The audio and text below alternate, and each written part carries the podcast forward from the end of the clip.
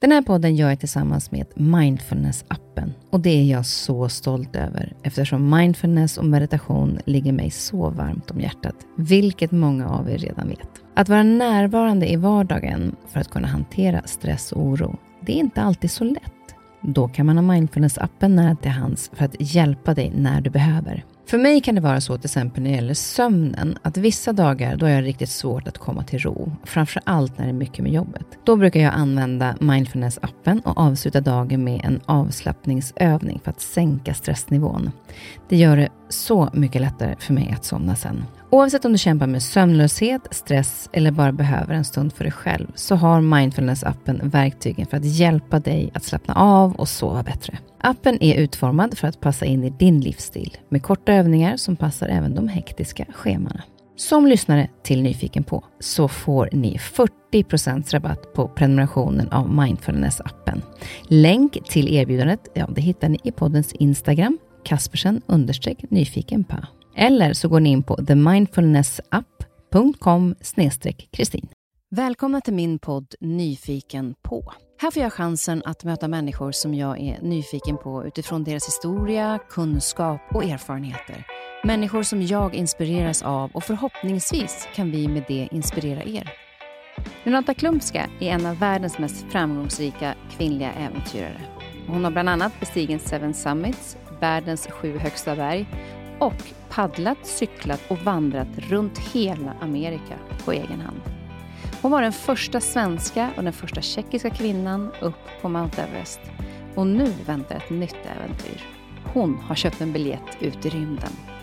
Jag är nyfiken på varför hon om och om igen vill utmana sig själv genom nya stora expeditioner och på hur hon, efter att ha förlorat sin livs och äventyrspartner Göran Kropp efter att han omkom i en klättringsolycka, inte blivit rädd att fortsätta livet genom riskfyllda äventyr. Och jag är också nyfiken på hur hon planerar sin resa till rymden. Renata är en kvinna som jag fascineras av på så många sätt. Det känns så tryggt med dig. Du är sånt proffs. Ja. Bara åka med. Men det här är ju så roligt att få möta så mycket härliga människor och få lyssna på så många historier. Men jag tycker du har valt, det är så kul, för det är inte alltid så, en del känner man att det är, de bockar av listan. Det tycker jag när man såg dina namn så var det inte, var det inte på det sättet. Nej, och det, det har varit väldigt viktigt för mig från ja. början, att det ska vara väldigt blandat. Så att du mm. inte, så här, ja, det här, du kan inte lägga in den i ett fack. Och då var det faktiskt David Sundin som sa det, att Alltså det kanske blir lite grann som, så här, som sommarprat. Till slut så lyssnar man, för man vet att det är en intressant historia, även fast man inte vet vem människan är. Mm. Alla människor har ja, någonting definitivt. att berätta. Så det är superkul. Så det är så härligt att du är här. Tack, kul att få vara här. Och kul att se dig. Ja men detsamma, så välkommen Renata. Tack så nu mycket. Nu är vi ju liksom på plats. Ja. Jag håller på att ställa in mikrofonen här lite grann. Du har ju varit ute och rest en hel del, men nu är du i Sverige. Som mestadels.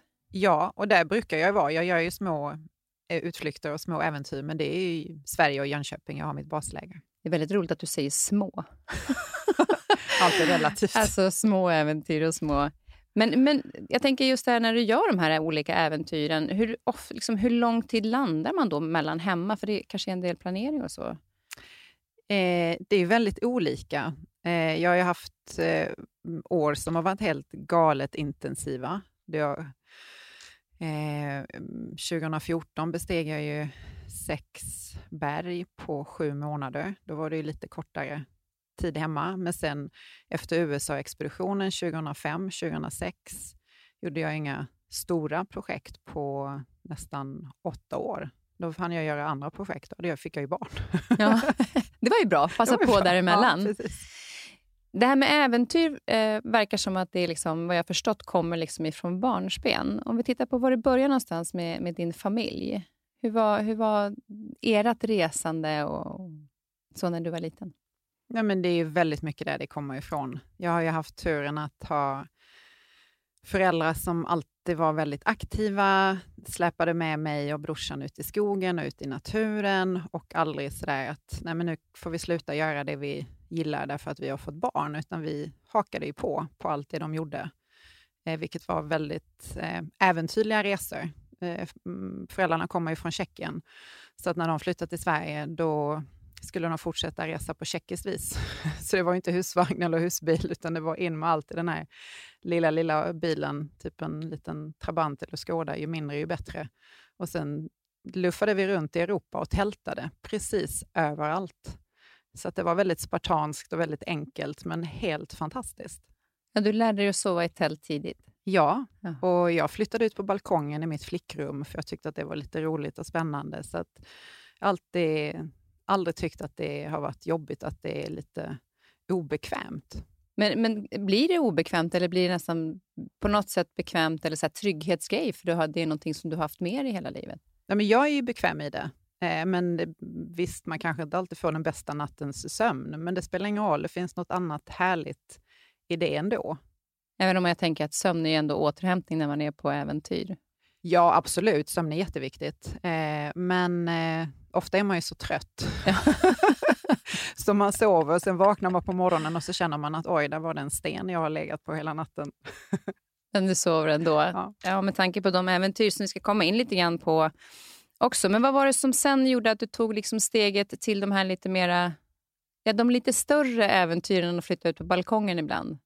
Um, den längtan fanns alltid där, uh, men jag tror inte jag förstod hur jag skulle göra innan jag träffade Göran Kropp, som jag levde ihop med. Det var verkligen han som gjorde det så tydligt för mig att man kan livnära sig på det som man har som intresse eh, och visade att man kan vara äventyrare. Och då kände jag direkt att det är det jag ska göra. Eh, och hade förmånen att få följa med på, på hans expedition till Mount Everest. Och, så han blev ju en katalysator skulle man kunna säga och öppnade ju dörren till klättervärlden. Men ni träffades på eh, en skola eller var det en föreläsning? Eller hur, hur var ja, det jag jobbade på Skånes idrottsförbund och vi hade anlitat honom som föreläsare. Så att jag åkte dit för att helt enkelt ja, eh, lyssna på och vara med och arrangera och organisera upp det hela. Hur kommer det sig sen att du åkte med? Um, oj, eh, nej men först gick jag ju, när jag hade gått den här, eh, lyssnat på föreläsningen, så efteråt, förutom att jag var helt fascinerad av, av hans berättelse och hans prestationer, han hade ju då gjort, eh, bestigit K2 och Broad Peak och var en fantastisk föredragshållare, så kunde man anmäla, anmäla sig till en glidskärmskurs. Och flyga är ju alltid något som jag så här tänkt, wow, vilken frihetskänsla. Det är klart jag måste göra det. Så jag anmälde mig och den var då i Slovakien. Så jag åkte med ner och Göran var ju fullt upp med att planera sin expedition och så att jag var ja, på, framåtlutad och intresserad och engagerad och frågade mig, kan inte du ta över de här kurserna medan jag är iväg på mitt projekt? Och då sa jag självklart. Så vi började ju på något sätt jobba ihop och sen utvecklades det till en, en kärleksrelation. Och sen kunde han inte bli av med mig. Eller ville. för, du, precis, för du åkte ju med honom sen också, vet jag, för han cyklade ju till Mount Everest. Mm, precis. Eh, och du var med, men du, du imponerade på honom lite mer än vad andra hade gjort? Um, så tillvida att du liksom inte gav dig genom att sitta och vänta någonstans? Nej, jag tror att han var nog väldigt förvånad att jag ville vara med på allting. eh, för, för mig var det ju så självklart. Jag, ville, och jag tycker det är kul att jag har lite den här projektledarådran i mig. Att kommer jag in i en situation och så ser man att här behövs det struktur och, och planer och, och styras upp lite. Så jag fick ju, han behövde ju hjälp. Han råddade ju allting själv.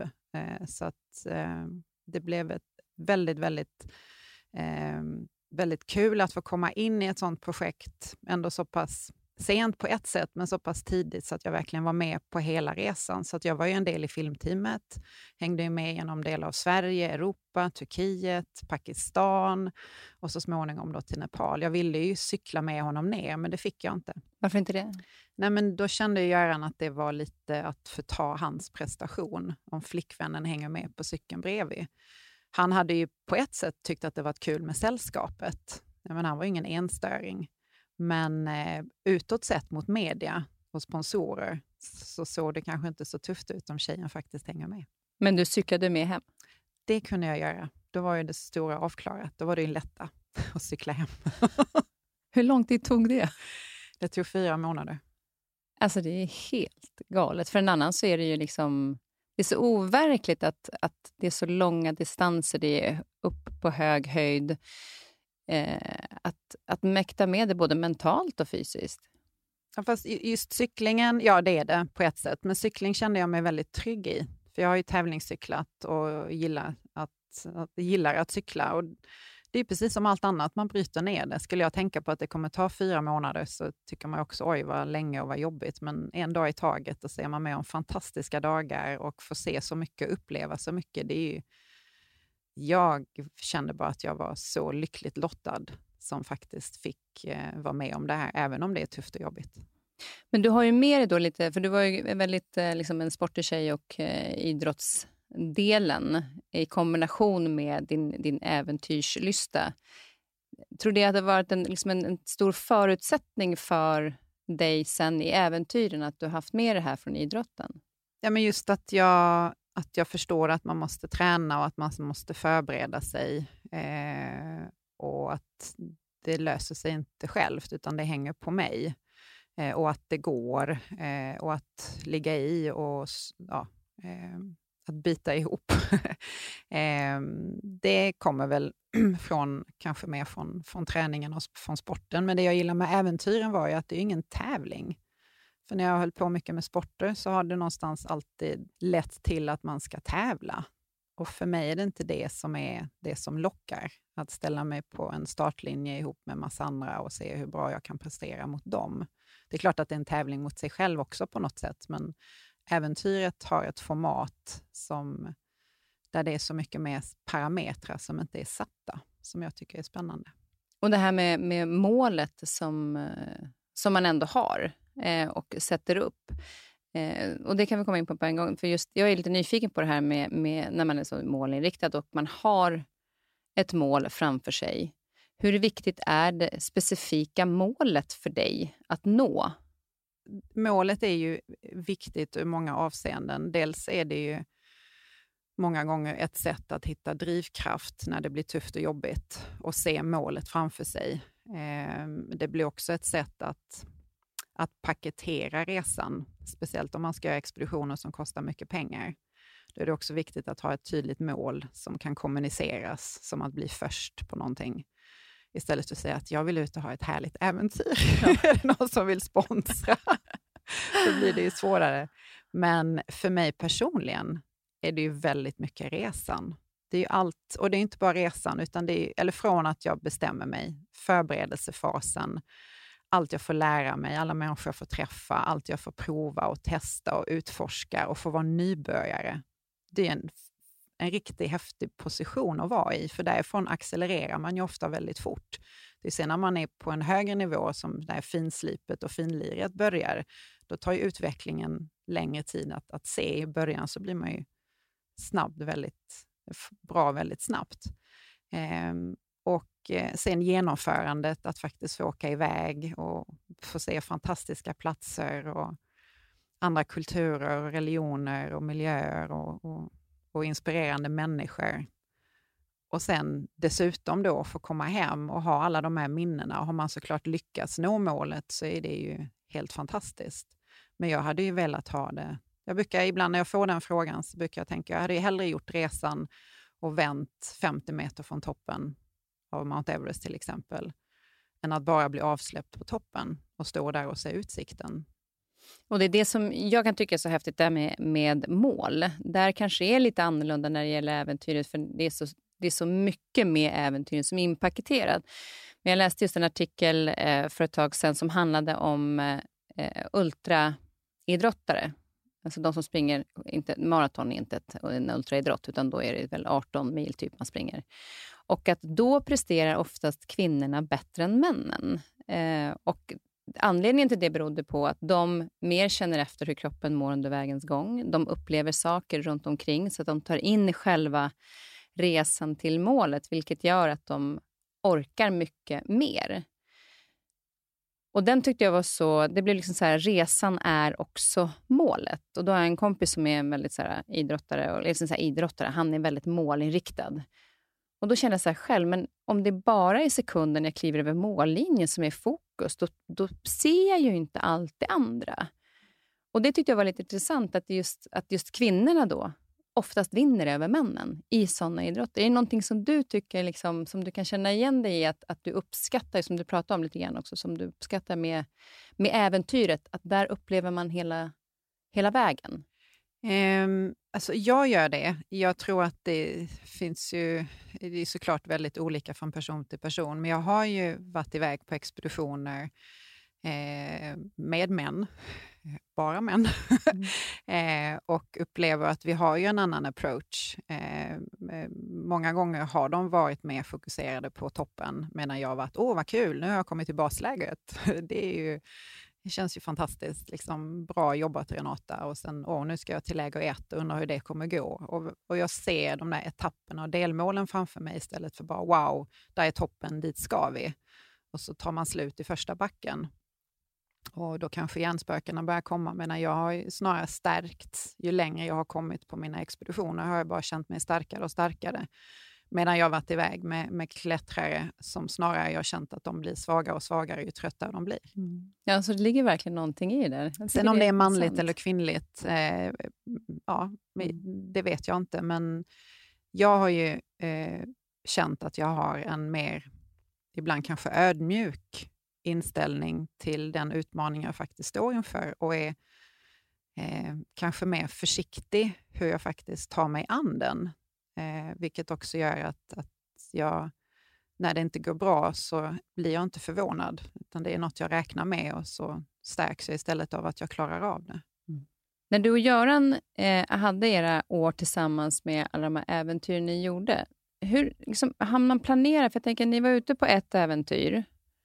Börjar ni tänka ut så här, vad ska nästa vara redan under det äventyret? Eller hann ni liksom Sitter man och cyklar i fyra månader, funderar man då på ja vi gör ett till äventyr, eller gör man klart den först?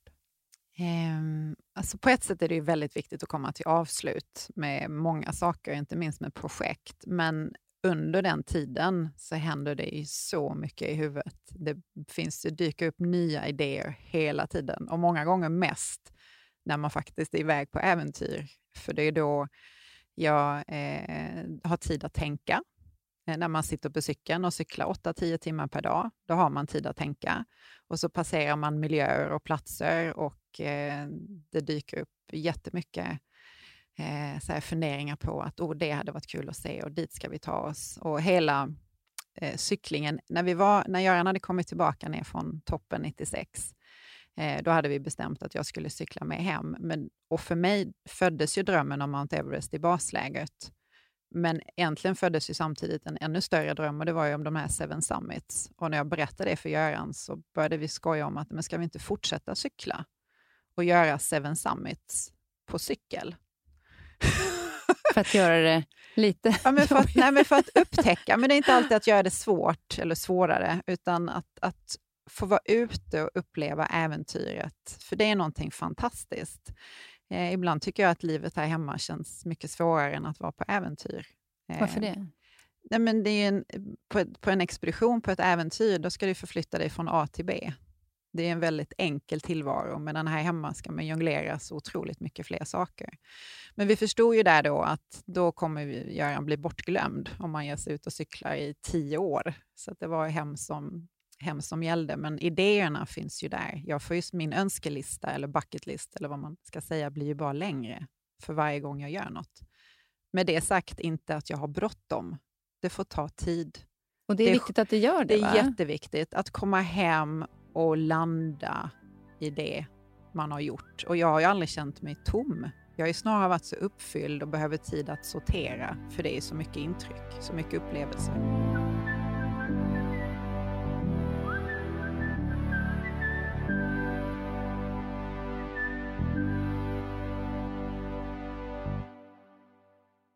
Du är ju första svenska kvinna upp på Mount Everest och första tjeckiska. Mm. Tar du glasögonen? Nära tralen ut om. Ja, men jag har kämpat och tränat. Jag fixar det. Jag har slitit ett år. Jag har tränat för det här. Jag är så lycklig. Tack. Tack för att jag fick, Första försöket. för att du har gjort det här.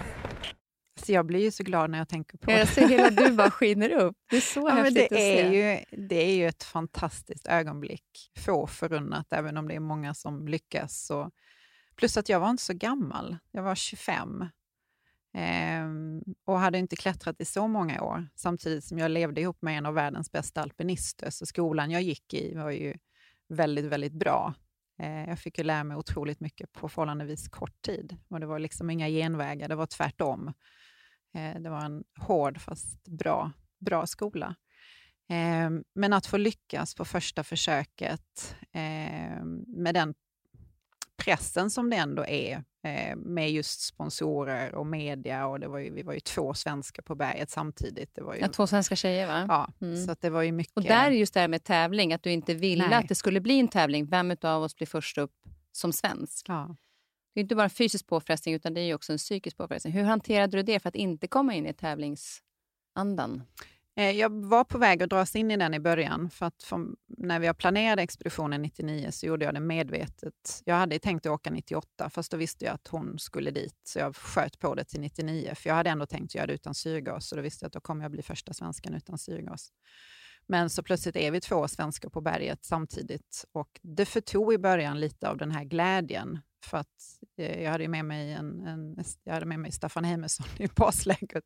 Så att det, jag visste ju att han kommer ju tycka att det är kul att, att skriva upp det här och på en sån sån här catfight. Och det kände jag verkligen att det är inte jag. Eh, men eh, jag funderade på det och mycket och till slut så kände jag att nej, men jag, det här är min upplevelse. Det här är min resa. Oavsett om jag blir först eller inte så kommer jag göra en prestation som jag är väldigt stolt och glad över. Eh, och eh, jag hade ju som tanke att göra det utan syrgas. Jag kände mig väldigt trygg med att, eh, att jag kommer bli först i så fall med det. Sen blev det att jag använde syrgasen då. Det är så svårt att förstå hur det är att, att vara i den här situationen, både klättringsmässigt och liksom det här med att, att, att ta syrgas med andningen. Vad är det som är det liksom tuffaste, skulle du säga, i alla fall för din del, för man kan ju bara prata utifrån sig själv, med att bestiga Mount Everest? Alltså klättertekniskt är det ju inte så utmanande. Det finns ju berg som är betydligt mer tekniskt svåra att bestiga. Eh, men det är lite också det som gör det lurigt. Du kommer ju väldigt högt upp.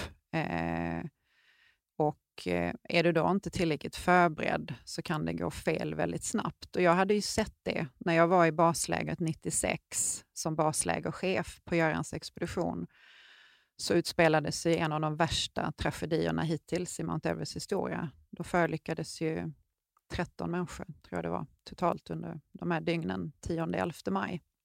Eh, och det var ju fruktansvärt. Men där fick jag ju också en förståelse för vad det är som krävs. För det var ganska tydligt vad det var som gick fel. Och vad var det som gick fel då? Ehm, för mycket människor på berget samtidigt, där merparten inte riktigt hade koll på vad de var, vad de gjorde och hur de skulle hantera ehm, ja, när saker går fel, när det blir snabbt dåligt väder, när syrgasen tar slut och väldigt beroende av sina guider. Eh, och Det är fantastiskt att ha bra guider och bra kärpas, men det är ändå du själv som måste gå och fatta ibland väldigt svåra beslut och vara, och vara beredd på det. Eh, jag hade ju träffat klättrare i basläget som inte ens förstod att de skulle ha solglasögon och hur de skulle sätta på sig stegjärnen. Då var jag ju 22. Jag tänkte det här är inte sant. Det här är vuxna människor som ska upp på världens högsta berg som, inte, som frågar mig Mm. vad man ska göra. Så att jag förstår ju att, att, eh, att om man tränar och man förbereder så man verkligen tar uppgiften på, på allvar och gör sin hemläxa så går det. För jag menar, Göran hade ju lyckats och andra har ju lyckats. Eh, men det är, ju, det är ju höjden som är den största utmaningen och att det är ett stort berg, det tar tid. Eh, och det är ju primitiva förhållanden, eh, kallt. Eh, det, det är väl just höjden och eh, Eh, att verkligen förstå hur den påverkar den. Eh, och det gör man inte riktigt förrän man är på den höga höjden. Jag var ju på Shishapangma 97, lyckades bli första svenskan över 8000 meter på, på det berget, nådde förtoppen på 8006. Och jag är så glad att jag gjorde den expeditionen av flera skäl. Men när jag då kommer till höjdpunkten på det berget, för toppen, 8006 meter, och föreställer mig att om det här hade varit Mount Everest, då ska jag sätta upp mitt tält och tillbringa en hel natt till och gå mm. nästan tusen meter till. Och ha det perspektivet.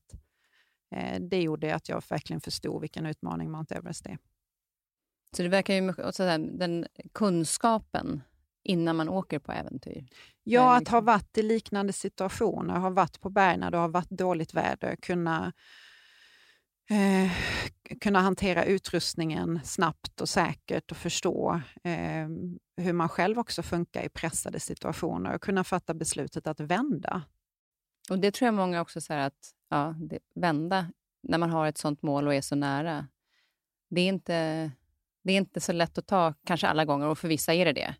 Nej, men det är jättesvårt. Men då är det ju viktigt att jag har tänkt igenom varför gör jag det här? Är det för att nå toppen eller är det för att ha en fantastisk upplevelse? Och vad är målet? Men målet kanske är att överleva. Det är precis det. Då, är det ju, då blir ju plötsligt eh, beslutet att vända ganska enkelt.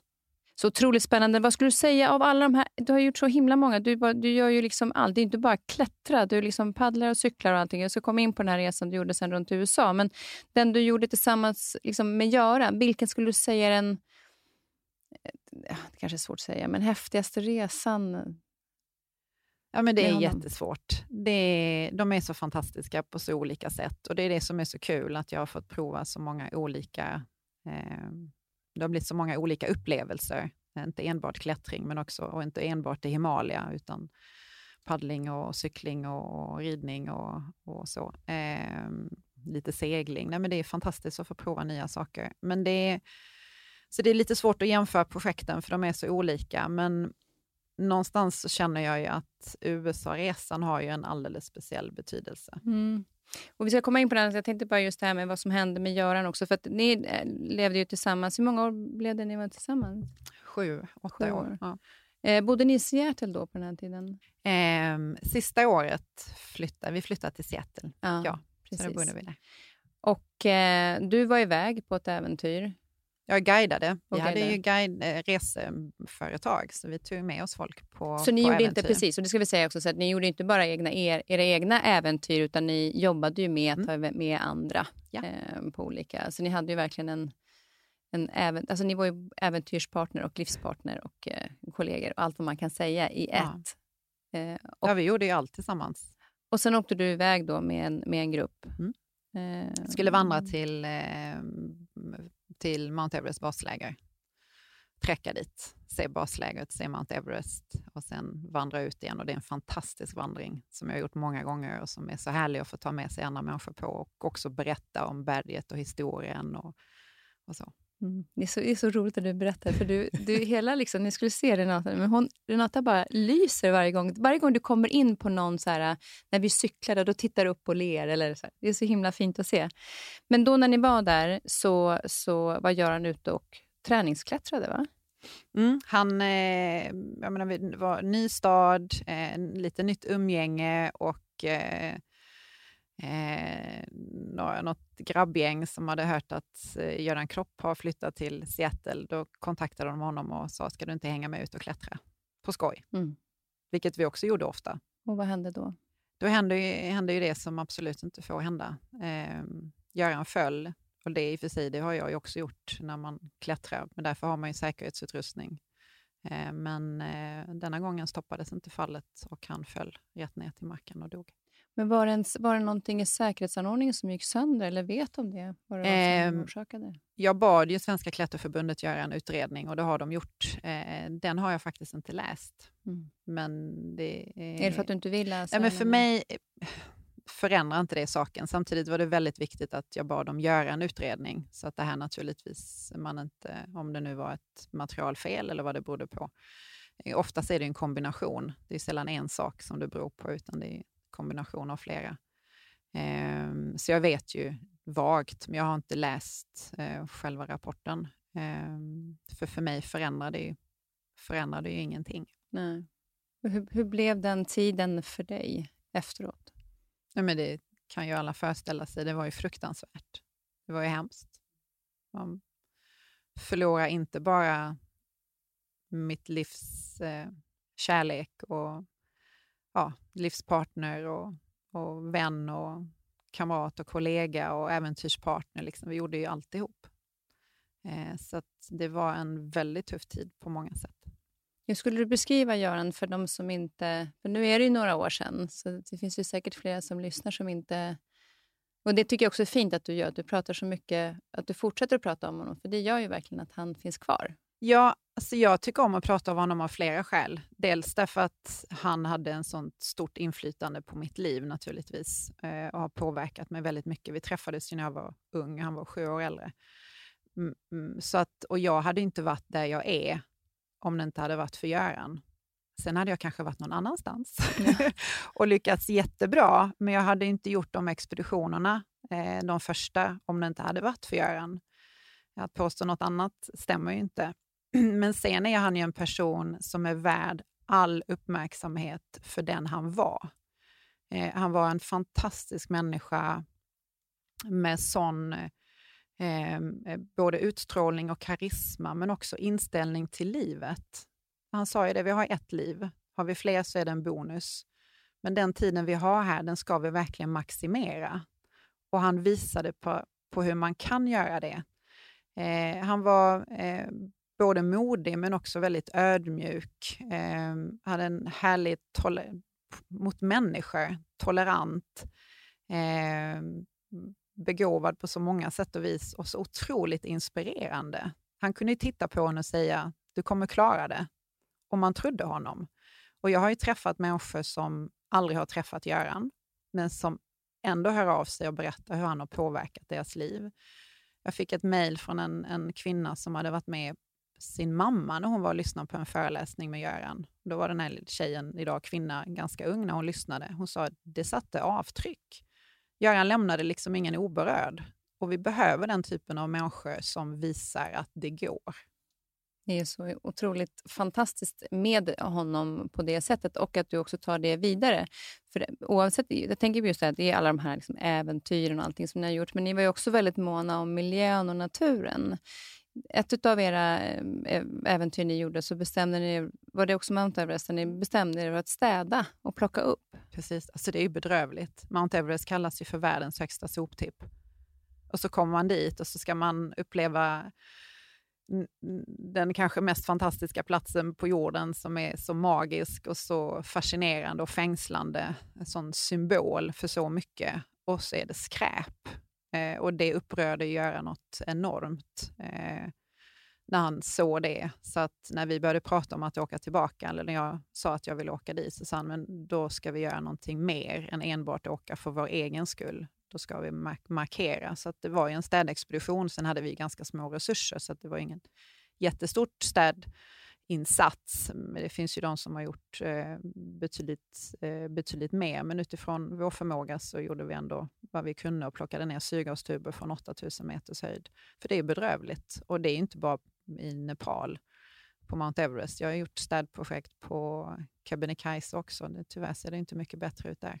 Och vad betyder den liksom, naturen för dig? men det är ju, naturen är otroligt viktig på så många sätt och vis. Eh, inte bara för mänskligheten, men även alltså för hur, hur jag mår som människa. Det är verkligen en plats där jag hittar kraft och energi och återhämtning. Eh, jag mår väldigt bra av att vara ute i naturen och Eh, det kan ju vara en, en, promenad. Det behöver inte vara något långt bort och svårt och farligt, utan det kan vara något väldigt nära och enkelt. Men det händer någonting när jag kommer ut i naturen och det händer något med människor överhuvud. Det har jag ju sett när jag varit iväg.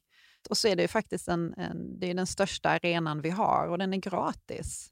Den är tillgänglig för alla.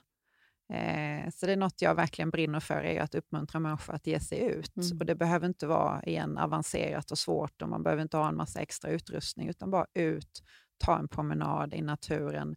Det, vi mår bra av det och det är dokumenterat.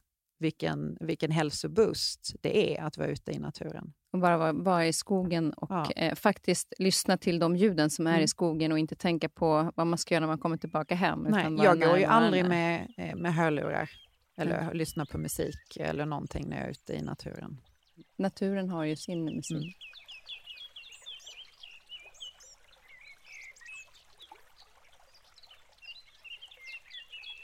Efter att Göran eh, dog i det fallet, så ah, ni hade ju planerat en resa, eller ett äventyr runt USA tillsammans.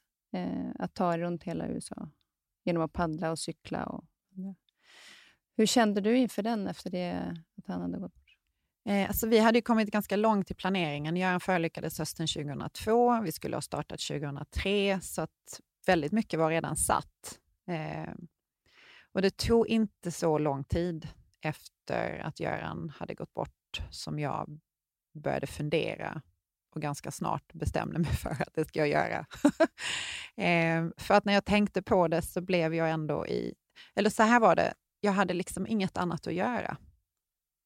Man vaknar på morgonen och vet inte, vad ska jag göra nu? Ha, ska jag börja jag hade ju funderat innan på att jag skulle bli idrottslärare. Så här, okay, ska jag börja plugga? Alltså, vad ska jag jobba med? Vad ska jag göra för någonting? Um, och då slog det mig att nej, men jag har ju faktiskt något att göra. Jag har ju den här expeditionen och allt det finns ju där. Det är med att börja knyta ihop de här trådarna, eh, ringa till sponsorerna igen och, och, fråga, skulle ni kunna tänka er att och stötta bara mig i det här och anpassa expeditionen till en person 50 procent av teamet är ju, är ju borta och det kommer ju krävas någonting helt annat av mig om jag ska göra det här själv. Eh, och då, mitt i allt det där så kändes det bara, blev jag, ja, kände jag liksom att då fick jag energi av den tanken. Så då bestämde jag mig. Så du gav dig iväg och eh, var det, 18 200 kilometer? Blev det totalt, ja. ja. Jag är att jag var det 439 dagar? Eh, det är ju så imponerande så att jag vet inte, liksom, jag har inte ens ord som räcker till för det. För att jag tänker, alltså du, är ju, du paddlade från Seattle ner längs kusten. Mm. Ja, men jag fattar att folk inte fattar. Alltså jag fattar ju själv inte. Jag kan ju någonstans, när jag, när jag planerade hela den här expeditionen och satt med USA-kartan eh, framför mig och alla delstater och alltihopa. Och det gick liksom inte in hur stort USA är, vilket är bra. För hade jag förstått vad det var jag gav mig ut på, och det ibland är den här, jag kan ju vara lite naiv, och det är ganska skönt att vara det ibland. Och inte, jag, jag ring, hade, gjorde så många samtal till betydligt mer eh, erfarna och kompetenta paddlare och när de fick höra vad jag skulle göra så tänkte de hon är helt galen. Men det var ganska skönt att känna att nej men det är klart att det går, det är klart att det löser sig. Hur svårt kan det vara? Jag fixar ju det. Men vad, vad, tänker du när du sitter i den här liksom, och paddlar bland vågor eh, längs kusten? Det finns förmodligen hajar. Eller, ja, i alla fall. Ja, det finns allt. finns allt. Och det är väldigt djupt. ja, fast nu höll jag mig så nära land det gick utanför liksom, Mm. där vågorna bryter. Jag behövde inte gå längre ut till havs än, än nödvändigt. Men det är ju väldigt, liksom, havet är ju ganska, det är oh, väldigt ja. vackert när det är stilla. Ja. Det är otroligt oroväckande när ja. det liksom blåser till. Och det liksom slår vatten över. Mm. Vad, vad, vad, tänker du där? Nej, men jag, där, där var det ögonblick när vågorna var, eh, kändes extremt höga. Jag menar, en våg på en och en halv, två meter känns hög när man står upp. Men när man sitter i en kajak så tittar du upp på den här vågen som bara sköljer över en. Eh, så jag har haft några incidenter som har varit väldigt, väldigt obehagliga och olustiga. Men annars så hade till jag... exempel? Nej, men när jag slått runt, är extremt höga vågor. För mig extremt höga vågor. Eh, och sköljts upp på land. Liksom flugit ur kajaken och sköljts upp på land. Även om jag hade tränat på eskimåsvängar och surfa på vågorna så är det en sak att göra det Eh, i, i lugna förhållanden eller även i tuffa förhållanden, men på kommando. När jag bestämt mig att nu ska jag göra det och sen göra det efter 8-10 timmars paddling med en fullastad kajak. Det går inte att behålla fokuset så högt hela tiden.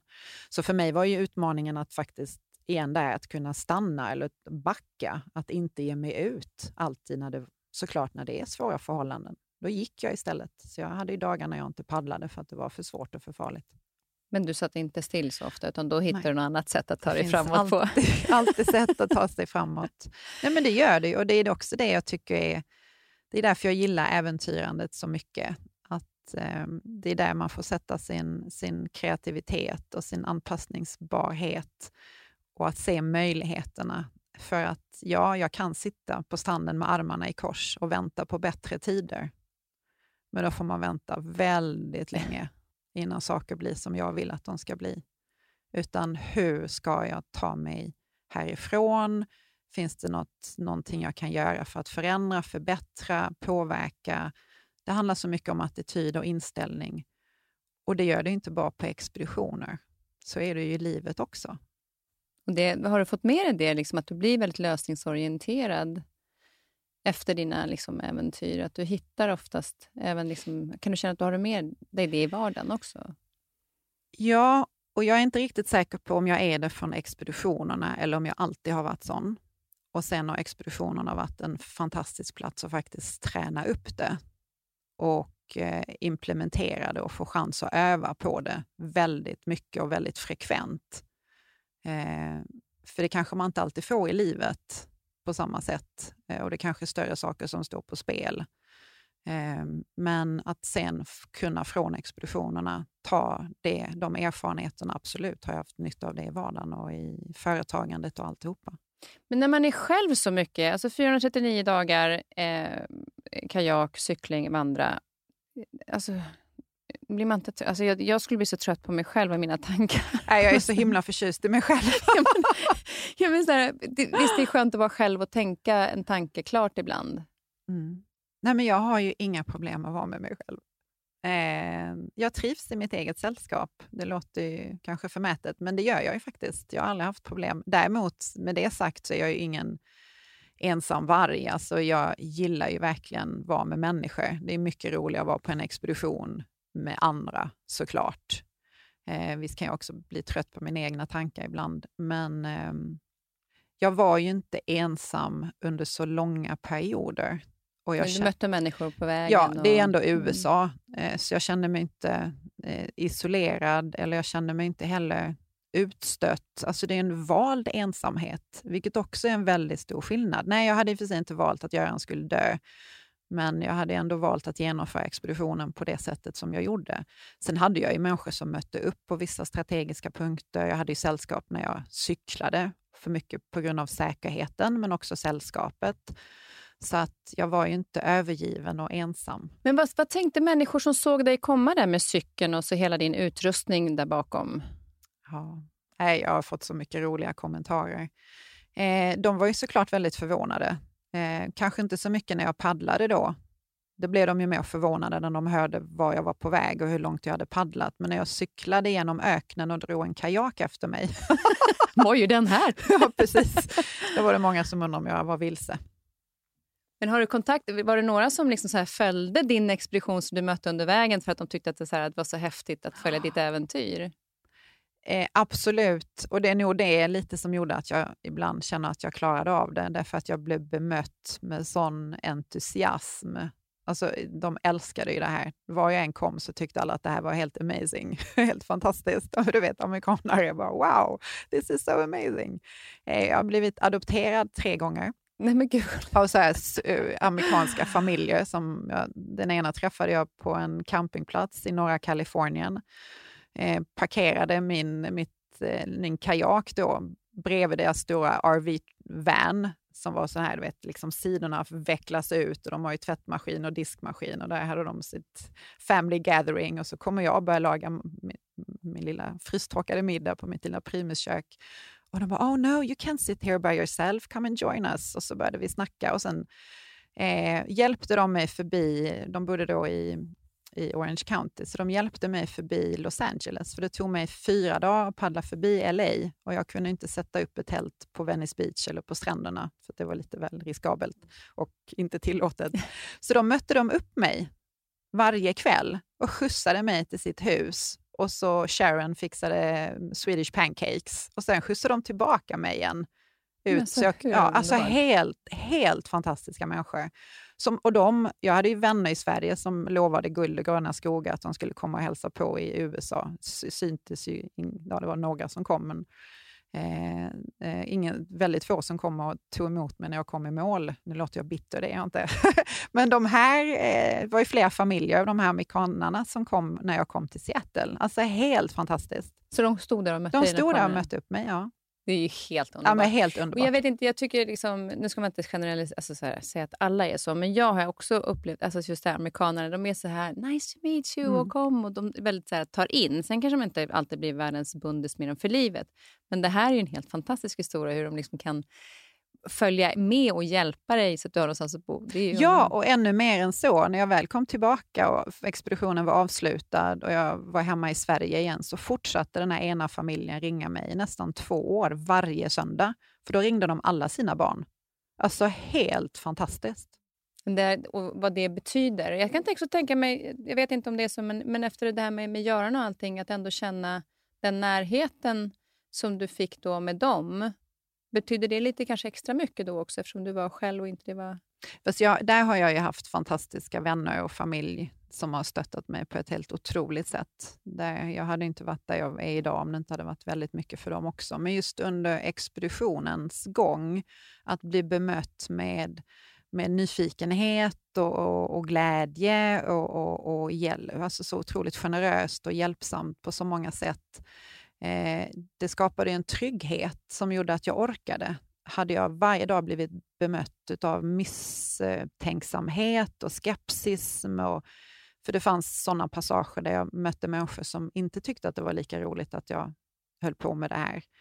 Det hade ju dränerat mig på energi. Alltså, vad, vad hände då när, när du märkte det? Fast, ja, det var typ inte så konstigt. Det var ju också väldigt dramatiska omständigheter. Det var när jag eh, skulle cykla förbi eh, hela Texas, Louisiana, Mississippi, Alabama, fast det området hade ju drabbats av orkanen Katarina. Så jag fick ju cykla förbi hela den, eh, den regionen. Och då cyklade jag på, i en miljö en plats där människor precis har drabbats av en katastrof, förlorat hem och alltihopa. Och så fick jag bo på hotell och hotellen var ju belamrade med människor som inte hade någonstans att ta vägen. Så det blev ju en krock. Att där var jag på mitt livs äventyr och där kämpade de för livet. Så det kunde bli lite, kännas obehagligt och olustigt. Och hade jag känt det hela vägen, då hade jag inte varit motiverad heller att fortsätta. Och Samtidigt så fick du ju, jag tänker med de som då följde dig längs vägen och ändå var med, att du ändå fick dela upplevelsen med dem. Nej, och det där är något som jag eh, pratade om senast igår med en, en nära vän. Hur, hur viktiga ens vänner blir som man har delat saker och ting med i livet. För att en dag så har man gjort det själv så det bleknar ju på ett helt annat sätt än att man just kan sitta och, och minns du det och kommer du ihåg det där? Och, Oj, vad roligt det var. Det är så värdefullt. Men har du aldrig blivit eh, rädd? Jag tänker just där när det hände Göran. Är du rädd när du är ute på äventyr? Ja, jag är rädd och jag kan vara rädd ganska ofta. Eh, men jag brukar säga att jag inte är rädd för att vara rädd. Alltså för mig är rädsla en känsla. Den tar ju inte livet av mig. Däremot hur jag hanterar den kan ju bli en riktigt farlig situation om det är ett, eh, ett, ett läge på ett berg och jag inte vet hur jag ska hantera det eller jag blir stressad och paralyserad utan jag måste kunna fatta snabba, rätt, rätt beslut snabbt. Men rädsla i sig är ju snarare någonting, när den kommer, och jag tränar ju på att, att, att omfamna den och behärska den och bli vän med den och förstå vad är det i mig som triggar det här och hur ska jag kunna hantera det oavsett om det är på ett berg eller om det är på hemmaplan eller om det är eh, ja, med någon person. Det finns ju olika situationer som gör att vi kan känna ett obehag och en rädsla. Men jag tror att det är något bra. Det är en varningssignal som gör att fokuset och sinnena skärps. Och det är någonting, alltså, det har vi ju sedan savannen, mm. men jag vet det är så många som är rädda för att vara rädd. Eh, och för att man kanske, jag vet inte om man kanske har med sig det från barnsben och man ska inte vara rädd, man ska inte visa sin rädsla. Istället för som du säger, att lära sig hantera den, för den kommer ju av en anledning och att kanske snarare förstå den. Men den, någonstans tänker jag, är det inte så också att när du blir rädd så blir det ju det här extra fokuset, för det finns ju en anledning till den. Och hade Mm. du inte blivit rädd hade du kanske inte... Man får ju de här kortisol och adrenalinpåslagen, men inte får samma fokus då egentligen. Så rädslan kan ju också vara positiv. Ja, Men jag, jag tror att det är det. Dels är det ju en, en varningssignal och det är ju positivt. Eh, men det är när vi kanske ibland låter de där varningssignalerna ta över hand och det faktiskt inte finns en, en anledning. Om vi bara hade tagit några djupa andetag och tagit några steg tillbaka och sett över situationen och förstått, men vänta, det här är ju egentligen inte farligt i sig, men det känns olustigt och obehagligt och hur kan jag, hur kan jag ta de där små, små stegen och, och, och det tror jag alla som har varit med om en sån situation, att ta sig igenom det och komma ut på andra sidan är helt fantastiskt. När man får komma ja, få överkomma den här känslan av rädsla och känna att man kan hantera den. Eh, och då växer man ju. Skulle vi springa och vara, gömma oss varje gång vi blir rädda, då blir man ju så begränsad. Då blir livet så litet, det blir så små utrymmen vi kan röra oss på. Och där är någonstans... Rädslan kan ju ha att göra med flera olika saker såklart. Och det kan ju... Alla dina stora äventyr som du har varit med på, då, som vi har pratat om, var ju innan du fick barn.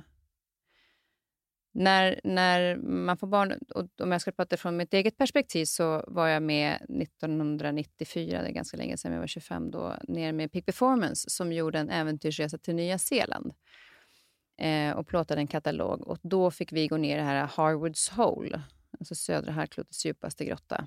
Och eh, vi tränade typ från en köksbord med den här selen. Och sen var ju då den här kratern som man kliver ner i, den är ju, först går man 30 meter mot vägg och sen är det 170 meter tror jag som det är liksom fritt eh, fall ner. Och sen igenom det här, det var ju verkligen så här squeezer och äh, det var helt fantastiskt att ha gjort det. Och många var så här, men alltså, jag berättade inte för min mamma innan jag gjorde vad jag skulle göra. Men sen i efterhand när jag berättat om det här och visat bilder från det, så säger jag, men gud, skulle du göra om det idag? Och jag sa, eh, alltså nu har jag fått barn. Jag vet inte om jag hade vågat göra det. Nu har inte jag det sån, sån erfarenhet med äventyr, men jag vet inte om jag hade vågat gjort det när jag har ett ansvar för barn hemma, liksom, att det är så riskfyllt. Begränt, nu har ju du en helt annan kunskap kring äventyr och liksom alla de här expeditionerna. Men finns det någonstans där du kände liksom en rädsla för att utmana dig på de här riskfyllda äventyren när du har fått barn? Vad häftigt det där lät förresten. Det vill jag göra. Tänker Har jag du, har du, har du, Nej. vet du vad Harvards Hole är? Ja, nej, men jag har inte varit där. Men jag kände direkt när du berättade att det skulle vara kul. Ja, det var väldigt häftigt. Ehm, men alltså, jag vet inte om jag är programmerad på något annat sätt. Ehm, jag vill ju maximera mitt liv. Jag vill ju inte förkorta det på något sätt. Det är inte därför jag gör expeditionerna och äventyren. Och jag har alltid tänkt på säkerheten. Det har alltid varit nummer ett. Så att när jag fick barn så är det inte så att jag började tänka att oj, nu måste jag vara ännu mer försiktig, för nu har jag barn. Så jag har alltid varit väldigt, väldigt försiktig. Så det har ju inte förändrats. Sen är det klart att jag har ett ansvar för dem.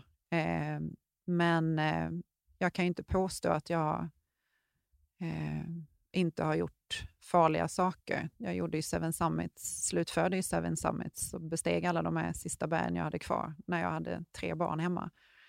Eh, men jag kände att olyckor kan hända. De kan hända på ett berg, eh, men de kan också hända när jag sätter mig i bilen och kör hem efter en föreläsning en sen kväll.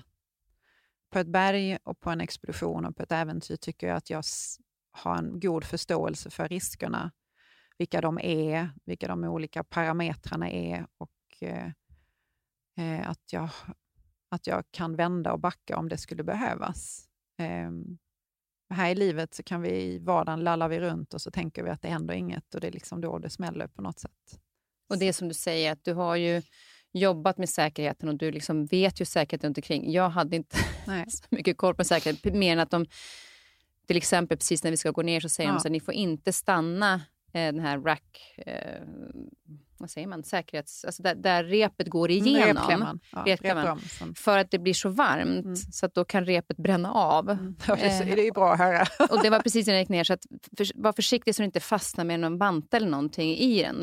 Eh, Så det var det jag fokuserade mest på. Men, men framförallt också naturen var ju helt magisk. Men jag tror att det är det också att jag kan ju inte all säkerhet runt omkring. Så det gör väl kanske också att, att det, det, jag, jag backar i kanske var lika, lika modig. Eller så är du väldigt förnuftig, ja. som faktiskt som inser när du ska backa. Ibland kanske det hade varit min utmaning att faktiskt låta bli. Men jag, jag, eh, jag tycker inte att jag sätter mig i vanskliga och dumma situationer. Det är klart att jag tänker på att jag har barn hemma och eh, men det är, samtidigt är det mitt jobb. Mm. Det är så jag försörjer. Har de inspirerats av mm. Eh, dig? Gillar de också äventyr? Eller ute i... Eh, jag blir sådär, har de haft ett val? Nej, exakt. eh, men jag, alltså, och det är det, vad jag än ger dem så kan jag ge dem känslan av att de, de kan, eh, ha den här tilliten till sin egen förmåga, att packa deras ryggsäck med det, men också eh, hur fantastisk naturen är och känna sig trygga där. Så det har jag ju tänkt mycket på. Alla har ju varit med mig på Kebnekaise. De har stått på toppen två gånger. Alltså häftigt. Ja, och den yngste var ju sex då, när hon kom sant? upp. Ja, min dotter ah. hade inte hunnit fylla sju. Och det jag har jag ett helt fantastiskt ögonblick på vägen ner från, eh, från berget ner till fjällstugan. Och vi hade haft riktigt dåligt väder. Riktigt dåligt väder. Det blåste liksom storm och folk gick ja, ner från berget och avbröt och alltihopa. Men jag hade ju rätt utrustning och kände mig trygg, så vi fortsatte. Sen var det fint när vi nådde själva toppen. Men på vägen ner sen så tittade min dotter på mig och sa att mamma, när jag blir stor, då ska jag komma ihåg det här och tänka att har jag fixat det här, då fixar jag vad som helst. Och ha det perspektivet som sexåring. Det finns ju folk som är 60 som inte har kommit dit. Ja, vilken fantastisk gåva. Att få, alltså, vilken fantastisk gåva att ge sitt barn. Att hon, och, och, att hon så klok med den insikten redan ja. då säger att kan jag klara det här? Så det, och det är väl lite som mina föräldrar var till mig på något sätt. Att, eh, att du kommer fixa det, du klarar det, men inte liksom göra det för enkelt och för lätt. Utan vi mår bra, vi behöver möta motstånd på olika sätt. Men gärna såklart när man är liten i kontrollerade former så att det finns någon där som kan backa upp och stötta. Men får vi göra det i tid, ja, men då klarar vi av att hantera det själva sen när vi blir större.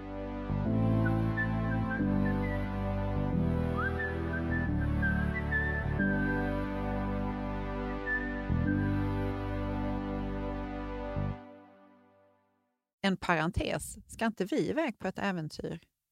Jo. Visst är det så? Precis. Jag tänkte vi ska komma till ja. det snart. För nu, vi ska nämligen prata lite grann om äventyr när det gäller våra...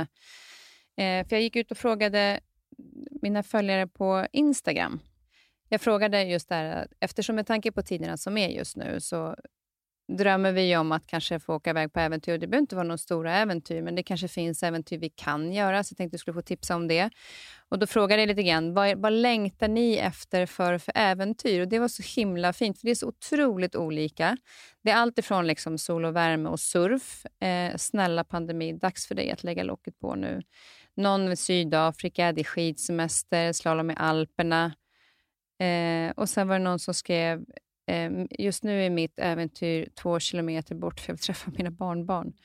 Men också bara ta sig ut i skogen, eh, uppleva Sverige. När kan vi liksom skidresa Paris? Det finns otroligt många som man märker att det finns ett sånt sug. Om vi nu inte kan börja åka än, vi kommer ju kunna det framöver och det tycker jag någonstans är viktigt att komma ihåg att det här är en, en period så att vi inte liksom fastnar i att så här är det, utan att vi tänker att det kommer att lösa sig. Men om man skulle göra något så lite små äventyr i Sverige som, som faktiskt funkar nu, vad skulle du säga? Alltså det... Barnen kan ha tält på balkongen. Ja, precis. Jag, säger, jag brukar säga tälta i trädgården, men har man inte trädgård så går det lika bra på balkongen. behöver man inte ens sätta upp ett tält. Man kan ju faktiskt bara sova under bar himmel släpa med alla täcken ut. Har du en presenning kan du lägga den över täckena så alltså behöver du inte vara rädd om det blir fuktigt. Alltså det använder sin fantasi. Och speciellt för barn. De uppskattar inte alltid att man sitter och kör långt eller åker långt för att ge sig ut i skogen. Den finns ju ofta väldigt nära för de flesta, var vi bor. Eh, och Det är en otrolig lekplats. Eh, ja, men packa med lite extra god fika, ja, ge dig ut och ta en promenad. Det kan ju vara, bor man i stan, till en ny stadsdel. Alltså vad är ett äventyr? Det är att ja, vad är ut... äventyr för dig? Ja, men för mig handlar det mycket om att ge sig ut på något som man inte riktigt vet hur det slutar. att det finns den här eh, dimensionen av, jag vet inte hur det här kommer bli. och för mig är det något spännande, det är något som kittlar. Eh, för vissa kanske det är skräck. för mig är det, det är någonting med det som jag tycker är, är härligt. Och det är ju väldigt mycket livet. Vi vet ju inte vad vi har framför oss. Det har vi märkt nu. Allting bara kastas omkull, ställs på sin spets, allt det man har hoppats på. Ja, men, saker och ting vänds upp och ner. Eh, och att någonstans känna, men så blir det ibland. Jag måste göra det jag kan utifrån där jag är nu och hantera det på bästa möjliga sätt. Och hitta de här guldkornen i vardagen. Eh, för hade inte jag löst det, då hade jag ju varit en ganska olycklig människa. För jag är ju förhållandevis lite iväg på stora äventyr. Mesta delen är jag ju faktiskt på hemmaplan och är en lycklig människa. Därför att jag har lyckats hitta de där små sätten att, att få in äventyret i vardagen. Jag hade en kompis som, som eh, hon har en liten tjej som snart fyller tre och eh, då såg jag på Instagram stories att hon eh, hade gjort tagit två stolar, och, eller fyra stolar blev det, och så hade hon lagt en filt mm. över. Och så hade hon bäddat åt henne mm. under, för hon var sjuk den dagen. Mm. Så det hade hon gjort som ett litet tält mm. och ett litet äventyr. Så tänkte jag, gud vad, vad smart att mm. när vi nu sitter så här lite mm. instängda, att faktiskt kunna göra liksom för barnen som blir rastlösa och vill hitta på någonting, att börja där. Och så kan man tänka så här, om vi skulle åka ut i skogen den dagen vi kan åka iväg till en annan kommun eller resa igen hur ska vi planera då? Så kan man mm. liksom börja även där. Jag tyckte det var så fint att, det liksom, att hitta de här små sakerna som gör att det blir ett litet äventyr i dagen. Oh ja. Att bygga kojor, det funkar ju hemma. Det gör mina barn hela tiden. Det är jätte... Att bara lägga sig och sova på madrassen på golvet ger ju rummet ett helt nytt perspektiv. Lägg dig och sov i ett annat rum. Alltså det finns så mycket att hitta på. Ja. Ja, spännande. Men du ska ju iväg på en, en helt annan typ av resa framöver som har varit på G väldigt länge. Alltså, du ska ut i rymden. Mm. Hur, alltså, hur kom du till den idén? Um, alltså, rymden har alltid fängslat och fascinerat. Det här med eh, Eh, tyngdlöshet och flyga. Det finns en, liksom, en frihetskänsla i det. Också att se jorden från ett helt annat perspektiv. Det finns många dimensioner som jag har känt av att så här, dit vill jag. Lite så final frontier-rymden. eh, eh, men det var inget som jag aktivt engagerade mig i att, att, att göra, liksom så här, söka till rymdgymnasiet eller något sånt. Nej, men det fanns inte. Eh, jag fick ett samtal för massa, massa, massa år sedan. Det måste ju vara 11-12 år sedan. Eh, av ett företag i Malmö som då hade blivit agenter för Virgin Galactic och sålde deras rymdresor. Och då hörde de av sig till mig och sa att vi vet vad ditt nästa äventyr ska vara. Andreas hette han som ringde. Du ska ut i rymden. Och jag bara självklart och tänkte att de sponsrar resan. För de tänker det här är en bra marknadsföringsgrej. Vi får Renata flyga ut i rymden och eh, visa hur fantastiskt det är så kommer vi ställa hur mycket resor som helst. Så var det inte, men jag blev ju helt fast av idén. Så jag gick och tog ett lån och köpte oh, mig Vad sa den bankmannen? Jag ska till rymden, kan jag få ett lån? Ja, men hade jag kanske inte gjort det jag har gjort så hade jag kanske inte fått det där lånet. Men i och med att jag har bevisligen genomfört mina expeditioner, klarat av att förvalta dem på ett bra sätt, så sa han det är klart att vi, vi löser det. Sen var det ju lite ränta på det, men det var helt klart värt det. För mig var det en investering, precis som alla mina expeditioner har varit. Hur planerar man, hur förbereder man sig så? För nu, nu har det gått några år, det har tagit ja. lite tid. Vad är det som mm. har gjort att det har tagit tid? Det har varit någon olycka på vägen? Eh, ja, men det som framförallt har tagit tid är att det är ny teknik som utvecklas och det är ju säkerheten främst. Det tar tid eh, och det är testflyg så man kommer tillbaka och det är nu är de, ju, de har ju varit och flugit och lämnat atmosfären flera gånger, eh, men nu är det ju allt runt omkring också som ska förpackas och göras på ett bra sätt och hela upplevelsen. Eh, nu är man ju liksom nere på de här detaljerna. Eh, och då när jag köpte biljetten sa ju Richard Branson att we will fly next year. Men ja, vi får se om vi kommer iväg nästa år. Nu tror jag att det ligger två, tre år bort. Fast det är det, jag har inte bråttom.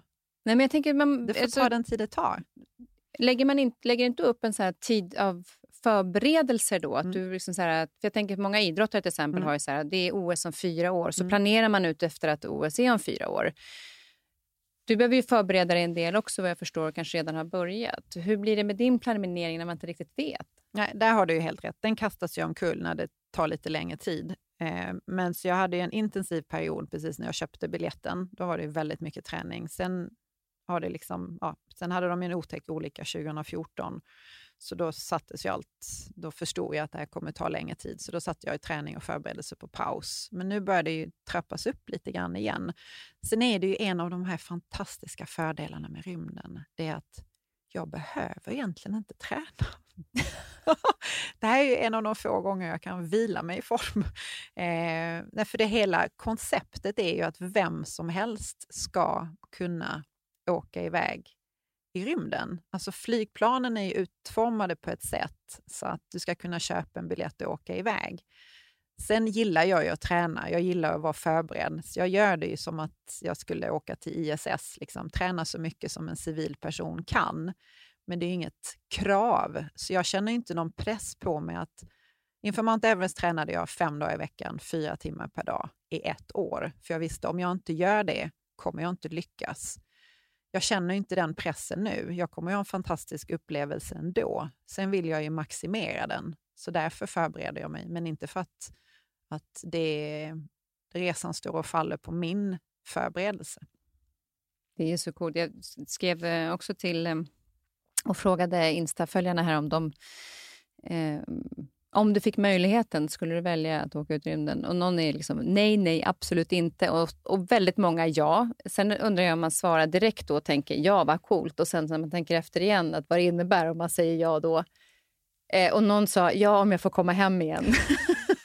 det är ju en förutsättning såklart. Men vad är det egentligen du ser mest fram emot när du väl är där ute? Vad är du liksom är mest nyfiken på i upplevelsen? Nej, men jag har haft förmånen att få träffa eh, astronauter som har varit med om den upplevelsen. Eh, varit ute i rymden och varit på ISS.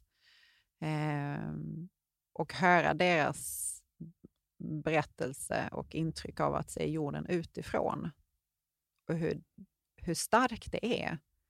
Och det kan jag, helt, jag kan ju föreställa mig det, men jag tror inte jag förstår det förrän jag är där själv.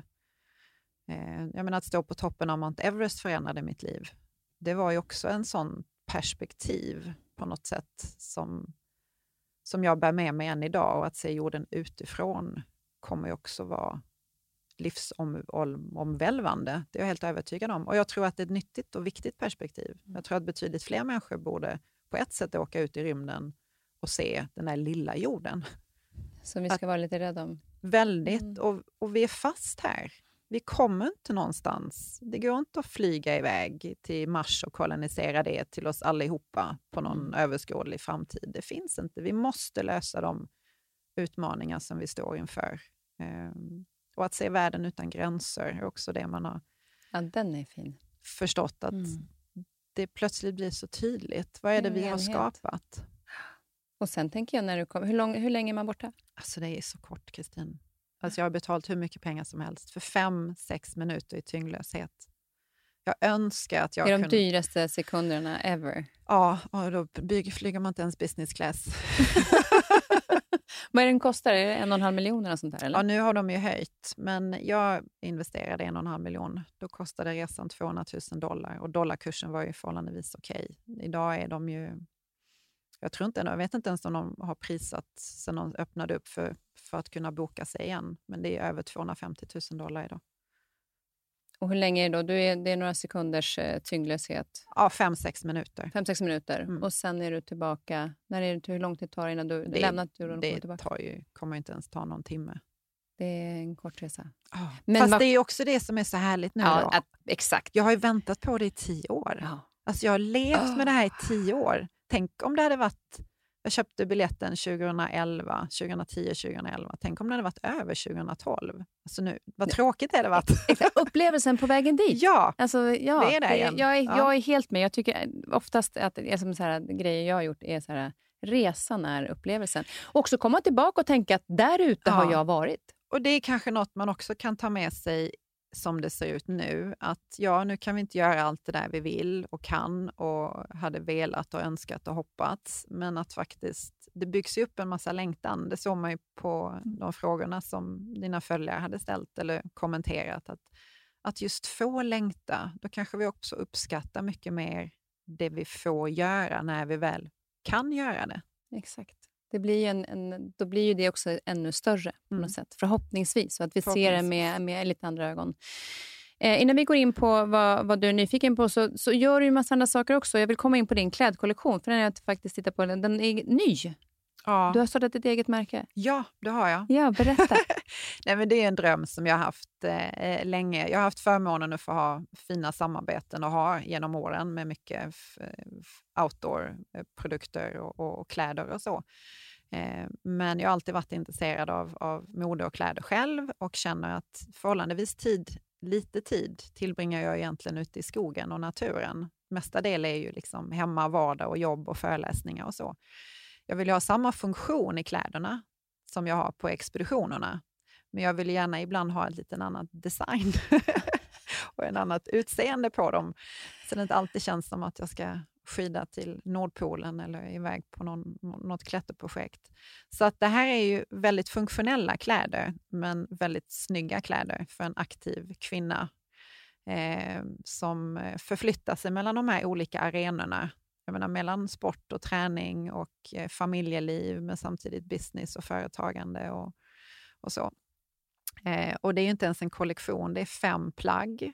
Men eh, det är en början. Det är en början. Det är så spännande och det är så kul. Jag är också där för att vara nybörjare. Det är också ett litet äventyr. i allra högsta grad. Mm. Eh, och utmaning. Sätta ihop det här teamet, eh, välja, välja produkter, vad använder jag i min vardag, vad är det jag saknar? För jag utgår ju mycket från det behovet jag själv har och plagg som jag känner att jag skulle vilja kunna förbättra eller utveckla och som jag känner jag saknar. Och eh, har fått fantastisk respons eh, och det är så kul.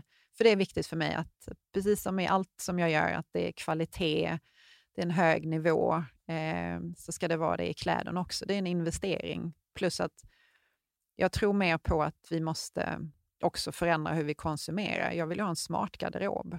Den behöver inte vara gigantisk, men de plaggen jag har ska verkligen funka och eh, praktiskt låter så tråkigt, men de ska vara det. Jag ska kunna slänga ner ett snyggt och dyrt plagg i en väska och utan att behöva vara rädd för att om det skrynklar och hur jag använder dem. Och nej, det kan jag bara ha då, för då för annars förstörs det. Nej, men nej, jag vill kunna använda mina kläder. Och sen vet man ju att du har ju, vet ju vad det är för plagg som funkar där ute. Ja, Så, så definitivt. det är ju en, en, en, även om det kanske man funktionellt tycker det kan låta tråkigt, men så tycker jag att det är coolt att det är funktionellt i kombination med det andra. Ja. Superspännande att se hur den där kollektionen utvecklar sig. Du, vi, vi börjar närma oss slutet nu, men, men som vanligt så brukar mina gäster ha någonting att vara nyfiken på. Och nu vet jag att du nämnde lite grann här. Eh, jag bad dig tänka lite vad du var nyfiken på, så nu får du... Varsågod och berätta. Ja, nej men jag, eh, jag är ju... Jag tänkte ju direkt att jag var ju nyfiken på, på dig. Skulle vilja ha samma samtal, fast där jag bombarderade med frågor Känn istället. Kan vi, kan vi ta det? Ombytta roller. Nej, men, ehm, eh, och i, precis som du själv ställde den frågan, eftersom för mig är det så självklart att jag vill ut i rymden, så blir jag så där nyfiken och tänker på, men det, det förstår jag att det inte är självklart för alla, men eh, då blir jag så undrar om Kristin skulle vilja åka ut i rymden? Så det var min Om jag skulle fråga. åka ut i rymden? Ja. Eh, jag, jag skulle ju absolut säga så här, ja absolut. Och sen skulle när jag säger det så kommer jag om en halvtimme tänka, vad fasiken sa jag? För jag gillar ju äventyr generellt. Eh, Jag tycker oftast att de äventyren jag har gjort som jag anser, alltså typ som Vasaloppet, eller åka hundspann i tre dygn och sova i tält och sådär. Eh, är- jag gör ju hellre någonting som är alltså lite långsammare. Alltså jag är en seg jävel, jag är inte snabb, men jag tror att jag är seg. Och jag tycker att det är lite, för jag, jag uppskattar hela resan. Så jag springer hellre ett maraton än att springa en mil, till exempel, Mm. när jag var tränad för det. Nu är det här en ko- kort resa. Jag vill ju absolut säga ja. Och det skulle jag nog göra om jag visste verkligen säkerheten att jag kommer tillbaka. Det skulle jag tycka var ascoolt. Såklart. Alltså skulle man få chansen att åka ut i rymden. Men skulle du känna att det skulle räcka eller skulle du typ vilja till Mars? Nej, det räcker. Jag, sku, jag tror att det som när du berättar om rymden så är det som triggar mig mest det är såklart det här liksom tyngdlösheten, men framför allt att se jorden utan gränser. För det gick rätt in faktiskt. Jag har inte jättebehov av till exempel att göra saker som är sådär, äh, där jag själv inte att jag har, känner att jag har så mycket kontroll. Att jag har fått frågan att åka seglingen över Atlanten. Jag respekterar de som tycker att det är jättespännande, men för mig är det inte att sitta och vänta på dåligt väder och sen är det 4000 meter eller 3 000 meter till botten. Nej, då vill jag göra andra saker. Kilimanjaro till exempel, som eh, skulle till i somras, men eh, som tyvärr då inte gick, men som vi förhoppningsvis kan göra till sommaren. Ja, för det har jag ju nästan ställt in mig på. Jag blir jätteledsen om vi inte åker tillsammans. Ja, Eller kommer... när vi nu åker, att vi inte gör det. Precis, det ska bli fantastiskt, för det har verkligen varit en dröm. Jag har inte ens varit på Kebnekaise, så jag ska börja och träna tänkte jag och, ta och gå upp dit först. Och sen så ska vi göra för jag och en kompis skulle åka iväg till, eh, upp på Kilimanjaro i somras, men eftersom covid då ställer, alltid där så ställdes det såklart in. Och nu är det framflyttat till i sommar. Så jag hoppas att vi gör den resan tillsammans. För jag, och jag kommer definitivt höra av mig om tips. Mm. Men, ja, men där, gör det. Ja, absolut.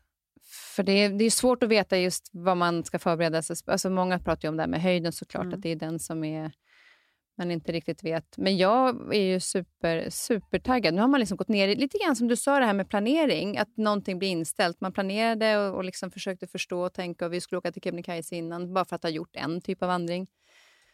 Men eh, nu har jag fastnat lite grann i det där med rymden. eh, jag, jag, tycker att såklart det vore ascoolt. Däremot så är jag nog mycket mer för typ såna här, klätt, gå upp på Kilimanjaro, eh, vara ute i naturen, och Det enda som skulle få mig är upplevelsen att se jorden utan gränser. Det finns höga berg på månen. Är det någonting du skulle vilja bestiga? Eh, det har jag ju sagt och gått ut med, att jag skulle vilja bestiga månens högsta berg. Här, alltså, tänk att studsa upp på ett berg, Kristin. Ha repet för att hålla alltså. kvar det istället. fantastiskt. Då, då är det inte lika tufft att klättra upp. Nej. Då studsar man upp på ett berg. Ja, det, det har du ju varit... aldrig gjort förut. Nej, det hade varit Det hade varit bra. Renata studsade upp på, på månens högsta berg. Ja, vad häftigt. Men vi får se vad som blir då, då efter, efter rymden. Det kanske är nästa projekt. Ja, det hade ju... Alltså, saken är att någon kommer göra det. Det kommer göras. Sen kanske inte det blir jag, men någon kommer göra det. Och bara den tanken är så fantastisk. För människor har gjort saker som många har gått, stått och sagt att det kommer inte gå. Det är klart att det kommer göra det. Och någon, någon blir den första att göra det. Och du är bra sugen? Eh, ja, nu tror jag inte att det är så, så stor chans för det, men man vet ju aldrig. Men bara att, att, att spänna bågen mentalt och tänka på att, att det skulle vara möjligt och att det skulle gå, gör ju också att det är så många andra saker som känns svårt som plötsligt blir enklare. Det är sant. Det är sant. Den kan vi ta med oss nu när vi, när vi försöker runda av det här. Fantastiskt. Jag är så otroligt imponerad över din historia och, och din mentala fysiska styrka och inställning till, till livet. Och jag hoppas att många av våra lyssnare får med sig det. Ehm, och att vi då kan titta lite längre fram. Vad kan man göra? Och så går vi in i vår vardag och möter den där den är. Och ser fram emot våra små äventyr fram till Absolut. vi kan göra dem som är större. Ja. Tack snälla Renata. Och om man vill komma i kontakt med för du föreläser lite grann och gör mm. lite olika äventyr. Var hittar man dig då? Ifall, eh, det ska man följa på Instagram? Ja, följa mig på Instagram, på Facebook, på renataklemska.com eller så hittar man mig på nätet. Så det är bara ut och söka. Det är bara ut och söka. Tack snälla för att du kom hit och jag vet att du ska iväg snart. Så, eh, lycka till vidare idag. Tack så mycket. Tack för att du kom. Detsamma. Tack ska du ha.